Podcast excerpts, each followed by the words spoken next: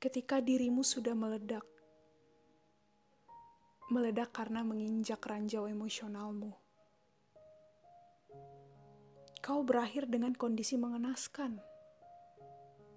Tak terhitung kesekian kalinya, kau merasa tak layak menjadi salah satu penduduk planet yang kau namai sendiri dengan kreativitas itu.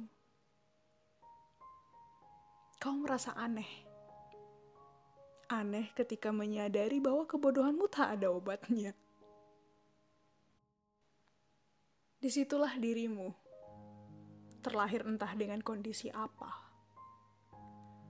Umur yang mulai menginjak pertengahan kepala dua tidak menjamin kepastian arah hidup akan ke mana.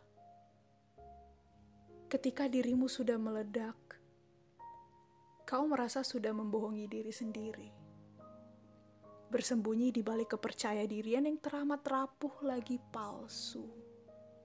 Kau merasa aneh dengan cara kerjamu. Semua yang kau hasilkan tak ada yang berasal darimu. Tak peduli seberapa sampainya karyamu ke hati orang, kau tetap merasa itu bukan milikmu. Kompilasi karya manusia lain dan sedikit goresan tanganmu yang tak terlalu berarti. Itulah yang sejatinya kau suguhkan untuk dinikmati. Kau sendiri tak punya apa-apa. Lihatlah tulisan yang tengah kau perjuangkan kata demi kata ini. Meronta-ronta kepadamu minta dilanjutkan. Mereka masih berantakan tanpa makna. Menatapmu yang juga sedang menatap mereka sambil putus asa. Ketika dirimu sudah meledak, Ranjau emosional yang tak sengaja kau injak menjadi pertanda dimulainya kembali fase frustrasi pada diri sendiri. Entahlah sudah berapa kali ranjau itu kau injak. Dua kali? Empat kali? Sepuluh kali? Entahlah. Menurut otakmu yang tak pandai berhitung itu ini sudah nyaris seratus kali. Tapi kau tak berani kan menghitungnya dengan pasti? Ya itu sama saja mengukuhkan jati dirimu yang memang bebal dan tak mau belajar dari kesalahan. Sekarang kalian bayangkan, ada manusia yang sudah meledakkan dirinya hampir seratus kali. Bisakah terputar dalam imajinasi betapa ringkihnya manusia itu saat ini? Tak perlu menaruh kasihan, dirinya sendiri saja menganggap dia aneh ketika dirimu sudah meledak. Di situlah masa di mana kau mempertanyakan kesungguhan diri. Apakah yang selama ini kau akui sebagai kesukaanmu adalah murni menjadi hal yang ingin kau tekuni? Kok rasa-rasanya tidak ya? Aneh rasanya ketika begitu mudahnya kau mengangkat tangan seketika bertatap muka dengan kesukaran. Apa itu yang ingin kau namai dengan hidup berdampingan dengan karya sendiri? Rasa-rasanya tidak. Berkobar-kobar di awal hanya untuk seketika padam hangus meninggalkan bara tanpa api. Dasar manusia aneh. Memang benar, sudah tak terhitung jumlahnya kau menginjak ranjau emosional itu. Tanya saja pada air mata. Ia menyaksikan semuanya. Jauh di dasar hatimu sebenarnya kau hancur.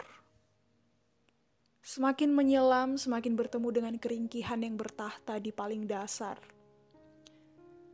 Kusarankan jangan menyelam lebih dalam lagi, atau kau bahkan tak sampai hati menyampaikan apa yang akan kau temui. Kau sangat sering berada dalam kondisi menyerah. Mempertanyakan diri sendiri sudah menjadi keahlianmu. Mungkin lebih tepatnya meragukan diri sendiri adalah rutinitasmu.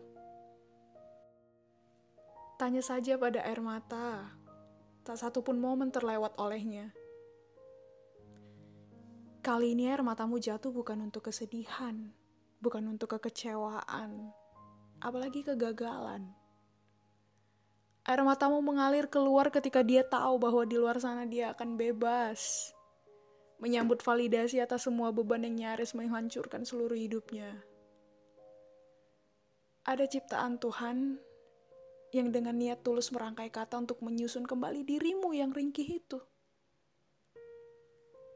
dan kau mulai berpikir, meskipun kau sudah meledak, puing-puing dirimu masih bisa kau susun kembali.